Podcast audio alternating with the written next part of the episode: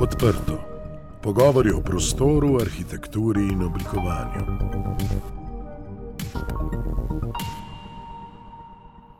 Pozdravljeni v podkastu Odprto. Danes sem z vami Lenka Kavčič. Tokratni pogovor je namenjen interjerju.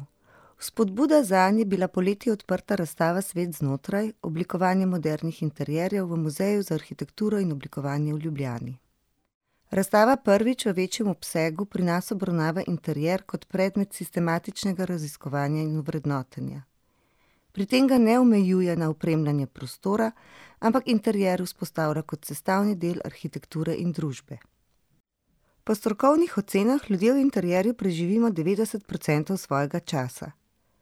Notranji prostori doma, delovno okolje in prostori za prosti čas vplivajo na naš vsakdan in na nas same. Kljub temu je interjer le redko predmet relevantnega strokovnega raziskovanja, ki se poglablja v notranjost arhitekture stavb in načine bivanja. Interjer je disciplina, ki je v bistvu neločljivo povezan z arhitekturo, notranjim oblikovanjem in oblikovanjem predmetov. Najpomembnejši elementi, ki ustvarjajo interjer in njegovo atmosfero, so svetloba, akustika, barve, teksture in materiali. A ključni akter interjerja je v bistvu človek. Prav človek svojo uporabo oblikuje interjer. Razstava Svet znotraj obravnava obdobje od začetka tridesetih let dvajsetega stoletja, ko so arhitekti tudi pri nas v interjerju začeli preizkušati nove prostorske koncepte kot posledica sodobnega načina življenja. Dediščina modernega interjerja se nadaljuje tudi v enaindvajsetem stoletju, vendar je notranjost stavb za razliko od prve polovice dvajsetega stoletja, ko je bil interjer tudi predmet družbenih in političnih agend, danes predvsem izraz lastne individualnosti in različnih življenjskih stilov. Razstava odpira vprašanje odnosa med človekom, interjerjem in arhitekturo. O vlogi interjerja v stroki in v družbi se bomo pogovarjali s kustosinjami razstave. Majo Vardjan, arhitektko in kustosinjo iz Muzeja za arhitekturo in oblikovanje, umetnostno zgodovinarko Cvetko Požar in arhitektko, oblikovalko interjerjev in avtorico razstave Katjušo Krajnc. Drage kolegice, lepo pozdravljene. Najprej iskrene čestitke za odlično razstavo in ogromno delo, ki ste ga opravile. Preglednih razstav o prostorih znotraj stavb, o interierjih pri nas ni veliko in verjetno iz tega izhaja tudi pobuda, da ste se te teme lotile. Zanima me, zakaj je prav interjer tisti, ki se vsaj pri nas vse poredkeje znajde na programu muzejskih razstav? Ja, interjer se ne samo poredko znajde na programu muzejskih razstav, ampak je tudi sicer v strokovni javnosti le redko, predmet strokovnega diskurza. Zato se mi je zdelo v bistvu, da, je razstava, ki je bila, organizirana v Muzeju za arhitekturo in oblikovanje, prava forma, da se ta, diskurz začne. Zdi se mi, da je interjer, področje, ki je zelo pomembno za nas, ker v življenju, skoraj devetdeset, procentov svojega časa preživimo v interjerju in, je to zelo pomembno in je potreben tudi diskurz o tem. Hvala, Katjuša. Cvetka, če vprašam tebe, kako so potekale priprave, raziskovanje, študij, zbiranje gradiva? dejansko v bistvu priprave smo glede na samo razstavo, no, so potekale najprej seveda s pregledovanjem obstoječe literature, skozi katero smo dejansko že v tej zgodnji fazi ugotovile, da o samem interjerju dejansko je zelo malo napisanega bilo, v preteklosti. se pravi, pregledale smo, revijo Sinteza, potem Abbe, vse, se pravi, te arhitekturne revije, od teh zgodnejših pred vojno arhitekturo, Arhitekta takoj po vojni. Seveda tukaj so neki zabeležki tudi o zabeležke tudi o interjerju, predvsem, no, v arhitekturi, vendar ne na tak način, no, kot v bistvu kot, kot smo pričakovale, no, vsekakor je bilo, o interjerju, ni se razpravljalo skozi to, skozi, neke, uh, skozi neka kritična problemska izhodišča, no, ampak je to pač bila omemba pri uh, obravnavanju, uh, predstavljanju, naprimer, same stavbe. Uh, potem, seveda, smo tukaj bili zelo pomembni uh, uh, arhivi, uh, predvsem uh, pri nas. V, Predvsem v muzeju za arhitekturo in oblikovanje hranimo zelo bogat uh, arhiv revije Sinteza. Uh, potem tudi uh, arhiv arhi, um, fotografa Janeza Kališnika, ki je, uh, Janez Kališnik je bil um, tam od 50-ih let naprej, uh, pa vse do 80-ih, uh, v bistvu res ta ključen fotograf, ki je za arhitekturno fotografijo. Uh, tako da tukaj je, tukaj to je taka res res blazno bogata baza tudi za interjer. In pa seveda potem so zelo pomembni bili tudi uh, arhivi, uh, uh, zasebni arhivi uh, arhitektov, no, kjer smo uh, našli kar nekaj uh, gradiva. Če se lahko mogoče samo navežem na obe vprašanji, kar se tiče predstavitve interjerja v muzejih, in pa seveda tudi kako smo raziskovali, je dejstvo, da interjer ni bil posebej izpostavljen v kontekstu muzejskih razstav, tudi zaradi tega, ker je v bistvu to tema, ki se le redko kdaj obravnava znotraj arhitekturne discipline. Večina arhitektov interjer smatra kot nekaj samoumevnega, nekaj, kar je del projekta samega, oziroma se ga smatra samo kot opremljanje, kot nekaj, ki je ločeno od projekta arhitekture in pride naknadno. Tako da v bistvu ta razstava je prva celostna raziskava in predstavitev razvoja interjerja v 20. stoletju pri nas, začnemo v 20-30 letih, pa do danes. Eh, se je pa interjer predstavljal skozi druge posamične projekte oziroma razstave. Šlo je ne zdaj za te eh, celostne preglede ne, oziroma predstavitve, tematske predstavitve interjerja, ampak znotraj projektov, eh, bodi si zdaj teh celostnih arhitekturnih projektov ali pa tudi v bistvu projektov posameznih opusov arhitektov. Se pa v tujini v bistvu ta tema, sploh ker je zdaj izjemno aktualna, odpira tudi v kontekstu muzejev, Viktorija Albert muzeja, naprimer, in ena obsežna razstava o interjerju doma. V domačih okoljih je bila narejena v Vitri, zdaj pred dvema letoma, Vitra Design Muzej. V tej raziskavi ste verjetno prišli do teh glavnih točk v samem razvoju interjerja, ki so v bistvu vplivali na naše življenje v stavbah. Na katere inovacije, invencije, ki so se pojavile in so bile kasneje potem upeljane v projekte. Kako se je pač stroka lotevala tega razvoja?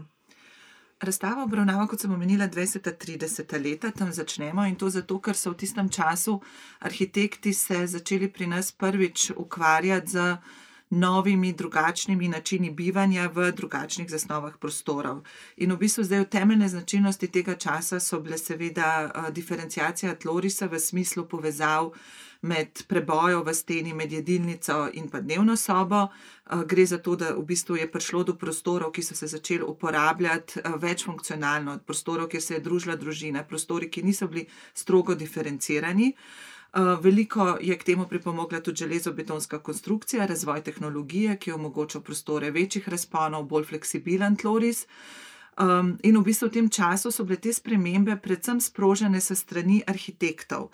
Medtem ko po drugi svetovni vojni, zlasti v 50-ih, 60-ih letih, je pa šlo v bistvu za odločitev po tako imenovanem novi kulturi bivanja, ki je bila pa politična odločitev ne, države, kjer se je zaradi procesov modernizacije, zaradi um, v bistvu priseljevanja ljudi iz podeželja v mesto, istočasno razvijala stanovanska politika, gradnja in pa potem pohištvena industrija. Tako da v tem obdobju so bili pa ključni momenti, recimo kuhinja, prva laboratorijska kuhinja pri nas, Branke Tancik, uh, potem gospodinsko-sanitarni vozov, ki sta ga prva leta 1955 uh, naredila Ilja Arnautovič in pa Milan Mihalič.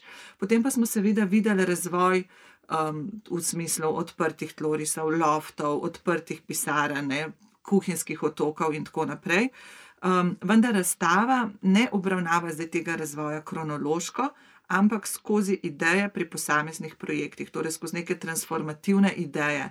Uh, zdaj, če seveda izpostavimo nekaj točk, so bile te, Um, obravnavamo pa seveda predvsem odnos zunaj znotraj, tudi vedno odnos telesa do prostora, celostna okolja, ker je v bistvu specifika modernizma Ljubljanske arhitekturne šole, ker gre za ta total design v smislu oblikovanja tako arhitekture kot interjerja, detajlov, urbanistične umestitve v mesto. tukaj se mi zdi pomembno izpostaviti tudi diferencijacijo med uh, interjerjem doma, uh, zasebnega interjerja in javnega interjerja. Če je zasebni interjer še do neke mere lahko prepuščen posamezniku, kako se odloča in kako ga upremlja, pa je odgovornost stroke zagotovo največja pri javnih interjerjih. Mogoče predvsem izobraževalnih in pa šolskih, kulturnih objektih. Vrtci in šole imajo tukaj zagotovo zelo pomembno mesto. Katjuša, zanima me, kako uh, je notranji prostor v teh stavbah uh, pomemben, kateri so tisti vidiki in kakšni so ti prostori, ki so kakovostni, sodobni, trajnostni in vplivajo na neko eh, počutje človeka v teh stavbah. Če se dotaknemo v bistvu ravno teh izobraževalnih ustanov ali pa vzgojno-varstvenih ustanov, je verjetno pri nas najpomembnejši Stanko Kristal, ki je rekel, da funkcionalnost eh, je premalo, saj je človek tako duhovna, kot tudi eh, fizična pojavnost in da mora arhitektura eh, vse te potrebe zadovoljevati. Ne. To se vidi pri njegovem, recimo, vrtu, Mladi Rod, kjer je temu sledil, seveda, za funkcionalnost v Tlorisu, ampak vse je bilo podkrepljeno tudi za tem, da nagovarja vse te druge človeške oziroma otroške potrebe. Mislim, da je v bistvu nujno, da se tako kot fiziologija upošteva tudi psihologija otrok. Ne? V bistvu v času modernizacije, ko je prej Maja omenila, ali pa vse do 80-ih let, se je zelo dobro temu sledilo. Imamo recimo tudi zelo dober primer šole v Stržišču, arhitekta Firsta in potem še eno Kristlovo šolo v Kranju um, kjer poleg vseh teh potreb eh, se razmišlja tudi o skupnosti, ne? Eh, kako uh, v bistvu uh, načrtovati um, šole in vrtce uh, z mislijo, da je prijetna, prijetna in prijazna tudi do skupnosti. Um, zdaj, v, v sodobnejšem času uh, se v bistvu. Redkeje pri nas sledi uh, temu pedagoškemu delu, ki zelo napreduje, arhitektura temu ne sledi tako zelo dobro. Uh, V prihodnosti naj bi se zagotavljalo v šolskih prostorih bolj ne samo fleksibilna, odzivna, ampak tudi raznovrstna okolja, kjer bi lahko z različnimi pedagoškimi pristopi se to lahko izvajalo. Ne. Pomembno v, za prihodnost je pa tudi v bistvu, kako uh, zagotoviti otrokom, uh, poleg povezovanja v skupnost, tudi prostore umika. Katjuša je omenila skupnost. No, in dejansko je bilo bivanje, naselitev prostorov ključno pri naši raziskavi in pri v bistvu spostavljanju kriterijev um, za vključitev projektov na razstavo, oziroma tudi kaj dober interjer je. Tako da interjer je seveda disciplina, ki vključuje um, vrsto panok, ne, od arhitekture, oblikovanja, psihologije. In sploh skozi prizmo arhitekture se veliko krat obravnava skozi neke osnovne elemente, kot so prostor, kot so materiali, pohištvo, um, ne na zadnje tudi um, dotik, skozi pač to senzualno, fizi, fizično percepcijo. Tudi. Uh, vendar je nas zanimal tudi človek, naselitev teh prostorov, v bistvu človek kot nek subjektiven akter v prostoru, ki ta prostor v bistvu uživlja. Tako da velikrat potem skozi diskusijo nismo več uporabljali sploh pojma interjer, ampak interjernost, ki je širši, ker gre v bistvu za odnose med človekom, med prostorom, objekti prostora, elementi prostora, odnosom do zonanjosti. Tako da v bistvu je bil človek ta ključen dejavnik, uh, mislim, človeka smo videli kot ključnega. Eh, pri razvoju interjerja, s svojimi rutinami, seveda vpliva na razvoj interjerja in obratno, razvoj interjerja skozi tehnologijo, modo, ne na zadnje, čas, v katerem nastaja, vpliva na človeka in njegove rutine.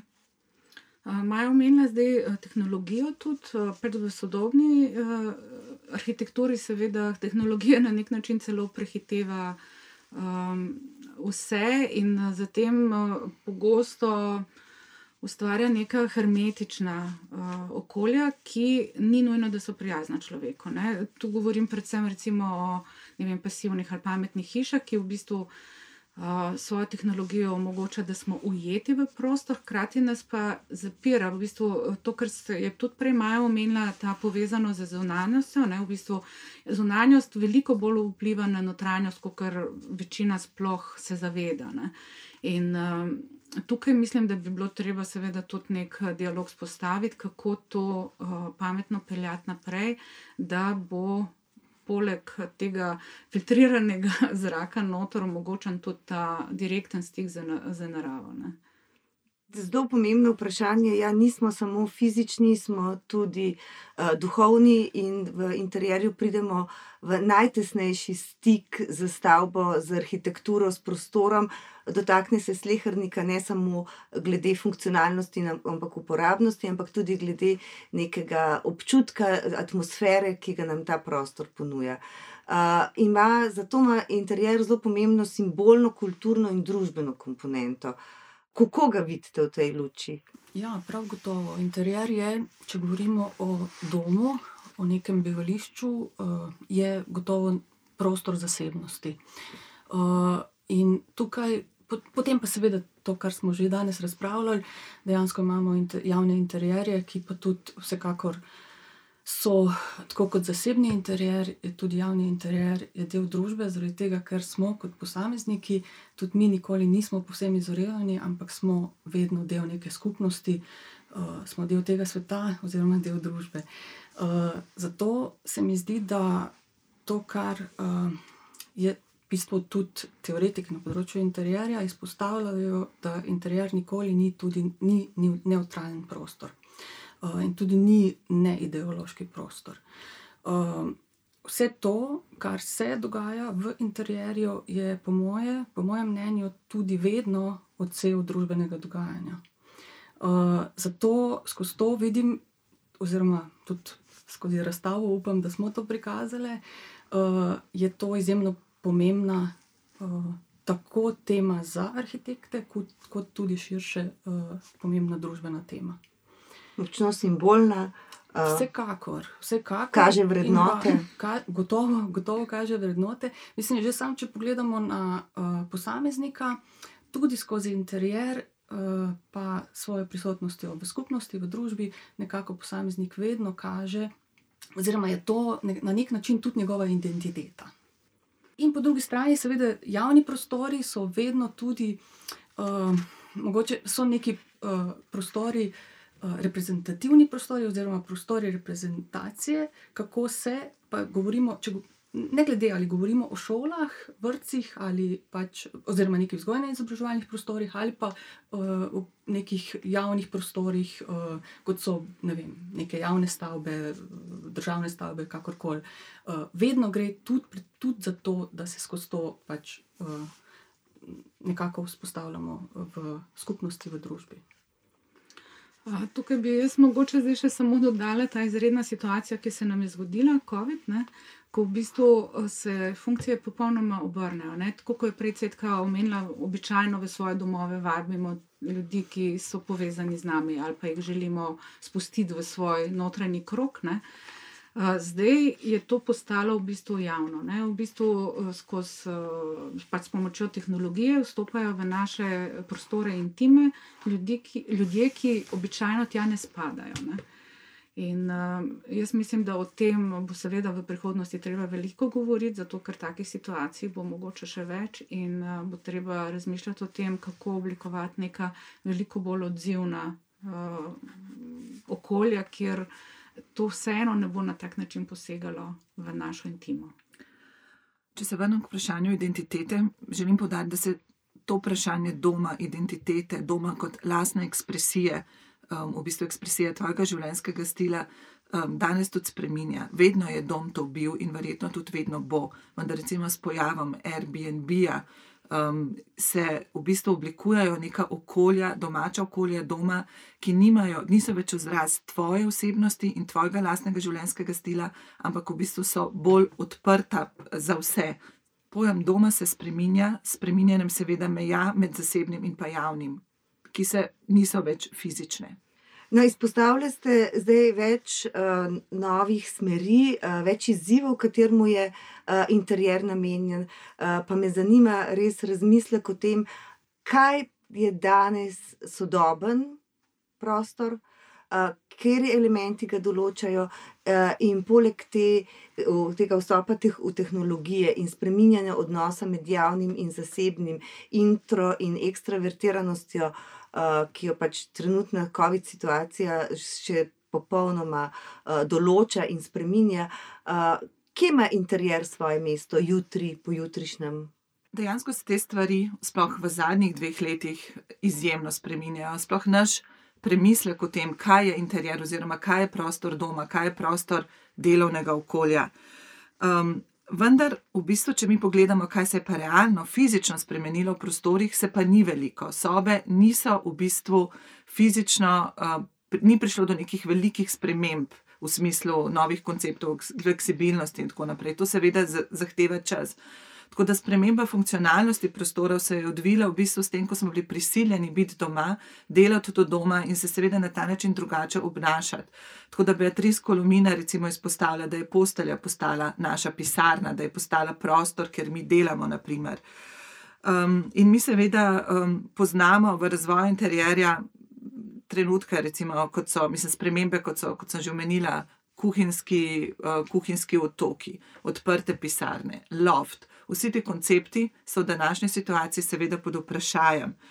Tako da mislim, da v bistvu pred, predvsem razvoj interjerja v prihodnosti vidim v razvoju nekih fleksibilnih okolij. Okolij, ki niso fleksibilni samo tako, da se v bistvu um, lahko različno uporabljajo, ampak ki se tudi prostorsko odzivajo na spremembe. Tako da recimo v COVID-u so pregrade postale del našega vsakdana. Tako da v bistvu smo skušali um, s tem, ko so se spremenile naše rutine, način dela, v bistvu prilagajati svoje prostore na nek v bistvu tak čist ad hoc način, smo jih skehali skozi uh, v bistvu samo uporabo. Ampak mislim, da v bistvu bodo mogli projektanti, interioristi v prihodnosti, pa tudi uporabniki, razmišljati o teh odzivnih okoljih. Um, vprašanje zasebnosti se mi zdi tudi izjemno pomembno, glede na to, da v bistvu smo večinoma iz naših zasebnih prostorov komunicirali preko Zuma in drugih, seveda, teh uh, komunikacijskih orodij z zunanjim svetom. In jaz mislim, da je COVID prinesel predvsem tono zavedanje pomembnosti interjerja, ker interjer, če ni nekaj izjemnega, ga ponovadi v našem vsakdanju sploh ne zaznamo.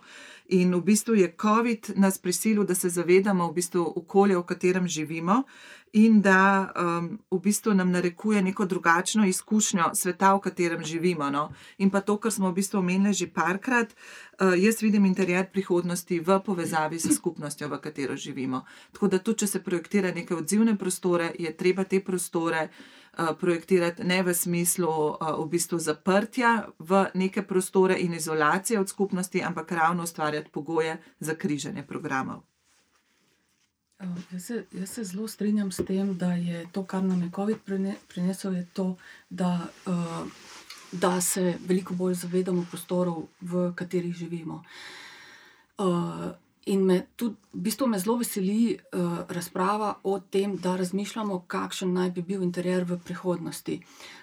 Se pa bojim, da, da dejansko ta situacija, čeprav je ne mogoče za življenje na tak način, kot zdaj pač zadnje leto pa pol živimo. Bojim se, da to še vedno ni ta dogodek, ki bo naredil spremembe v prihodnosti.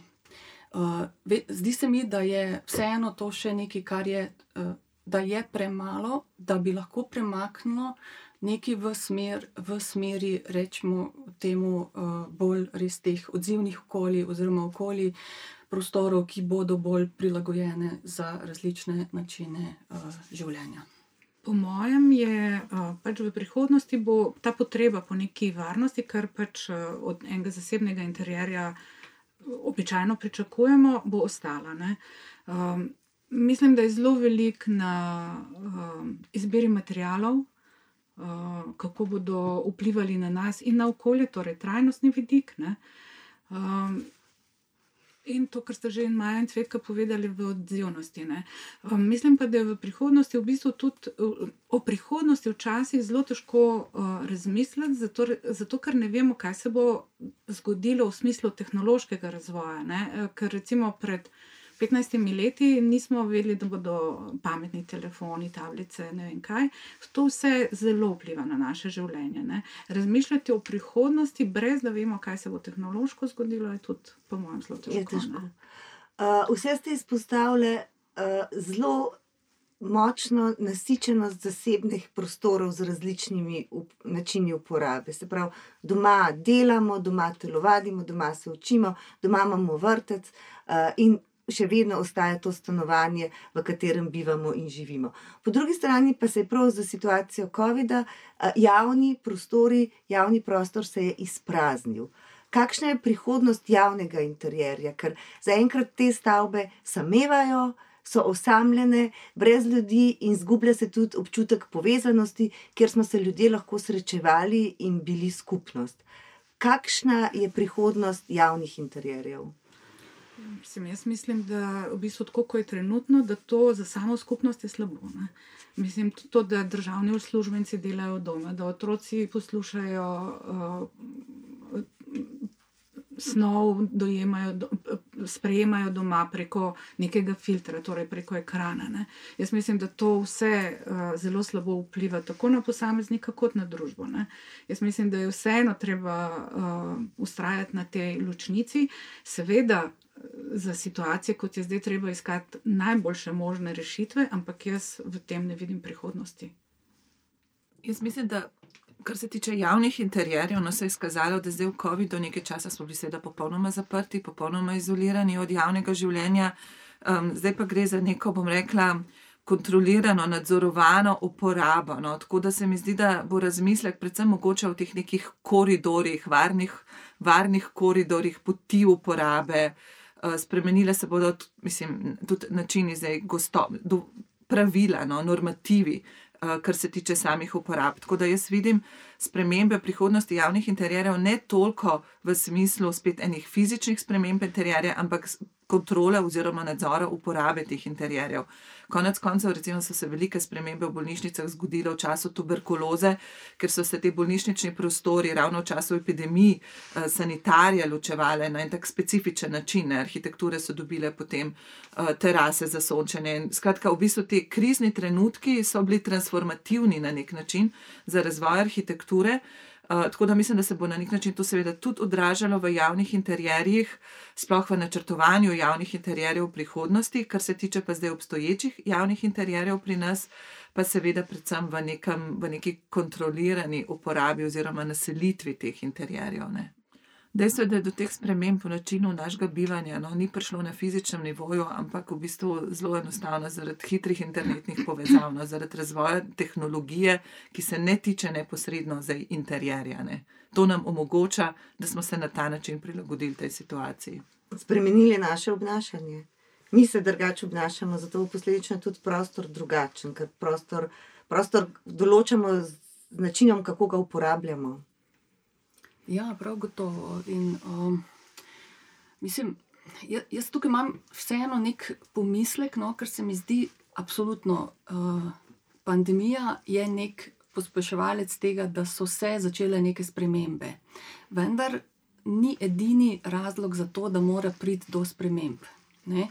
V bistvu mi imamo pač ob pandemiji tudi, uh, mislim, živimo nek kar dost, rečemo temu, iliberalni tržni kapitalizem, ki tudi za razvoj skupnosti ni ravno neko zelo temu naklonjeno okolje, uh, družbena ureditev, rečemo temu tako. No.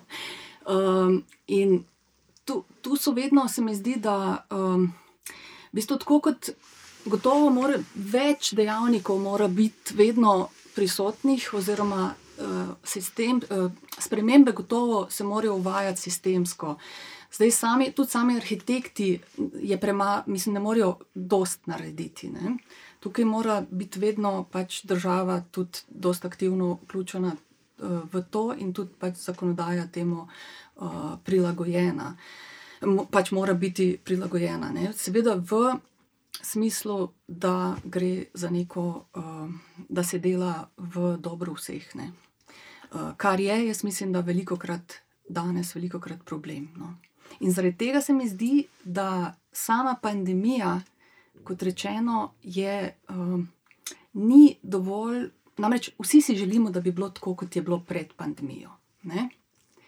In zaradi tega mislim, da pandemija ni dovolj velik dogodek, pa bom namenoma uporabila besedo dogodek, ni še tista prelomna točka, ki bo vodila v nek, uh, neko boljšo, oziroma bolj humano uporabo uh, prostora. In pa tudi, jaz mislim, da danes moramo govoriti o tem, namreč imamo, naprimer, uh, mladi ljudje si gotovo ne morejo več privoščiti svojega lastnega stanovanja, zato ker so cene enormne in še rastejo in ne bodo padale. Uh, in zaradi tega se mi zdi, da moramo res, uh, pač predvsem tudi skozi interjer, tudi pri temi in, uh, pri interjerju, govoriti uh, o teh zadevah. No. In vse to, v bistvu, ko bo uh, pač dosežen nek. Uh, Verjetno tudi konsens bo moral biti dosežen, bo lahko uh, vplivalo na to, da bodo da bo prišlo do nekih sprememb. Še nekaj se mi zdi zelo pomembno, ko razmišljamo o prihodnosti interjerja in sicer to, da se seveda upošteva tudi aktualna in pa kritična um, okoljska kriza, klimatske spremembe in da se razmišlja o tem, da se ne gradi novo za vsako ceno, ampak v bistvu upošteva obstoječ stavbni fond, ki je veliko krat uh, neuporabljen, prazen, zapuščen. Tako da vprašanje prenov, vprašanje novih namembnosti prostora, vprašanje uporabe trajnostnih materijalov, materijalov, ki se lahko reciklirajo, tako v smislu same gradnje objekta, in pa seveda tudi v smislu same izbire pohištva. Tako da mislim, da je ta trajnostni vidik ključen pri projektiranju v vseh merilih in tudi v interjerju, ker seveda je vsak posameznik mora postati odgovoren v smislu stvari, ki jih kupuje. In sploh pohištvena industrija, seveda, ki nagovarja. Uh, K tej um, veliki potrošnji, vedno večji potrošnji, uh, je v bistvu izjemno problematična. Hvala uh, za vse te zanimive istočnice, ki so prav gotovo zelo dobro predstavljene tudi na razstavi. Razstava bo v Muzeju za arhitekturo in oblikovanje odprta še do 28. novembra, torej vljudno vabljeni k ogledu. Uh, vem pa tudi, da pripravljate katalog. Uh, Te teme bodo verjetno vključene v prispevke v katalogu, pa me zanima, je, že vemo, kdaj ga lahko pričakujemo. Ja, katalog nekako načrtujemo. Uh, mislim, da bo nekako v začetku naslednje, mislim, sred, na sredini naslednjega leta, tam nekje maja, junija, uh, izšel. Uh, gotovo, prav gotovo pa v katalog želimo vključiti še. Uh, več uh, pač intervjuje z aktualnimi arhitekti, oblikovalci prostorov in tako naprej. Tako da bo, ne, bo, ne bodo samo pač neki analitični študijski teksti, ampak tudi pač bo to nekako bo, bo, bomo razširili temo samo. Zdaj na razstavi gre v bistvu za projekt, razstavno-raziskovalni projekt, ki je sestavljen iz treh delov, no, ki so pa niso enaki, no, se dopolnjujejo. Eden je seveda razstava, um, tematska razstava, drugi je bil simpozij, ker smo v bistvu obravnavali sedajnost in prihodnost interjerja, tretji bo pa publikacija. Tako da, če je razstava zasnovana v bistvu kot nek, neke vrste arhiv idej, um, je v bistvu um, knjiga bo zasnovala tudi bolj problemsko. Mislim, tudi razstava seveda odpira probleme, ampak knjiga jih bo še bolj eksplicitno um, sedanjost pa prihodnost interjerja. No. Hvala za pogovor. Uh, želim uspešno delo in se veselim naslednjega dogodka ob uh, izdaji kataloga. Srečno. Hvala. Poslušali ste podcast Odprto prvi slovenski podcast o arhitekturi, ki ga je pripravila ekipa OHS. Za akustično ugodje je skrbel studio Sonolab. Odprte hiše Slovenije se zauzemajo za dobro arhitekturo, ki je namenjena vsem ljudem. Prisluhnite nam vsakič, ko boste o prostoru želeli izvedeti več. Da smo lahko odprto spregovorili o prostoru, nam je svojo podporo omogočilo Ministrstvo za okolje in prostor.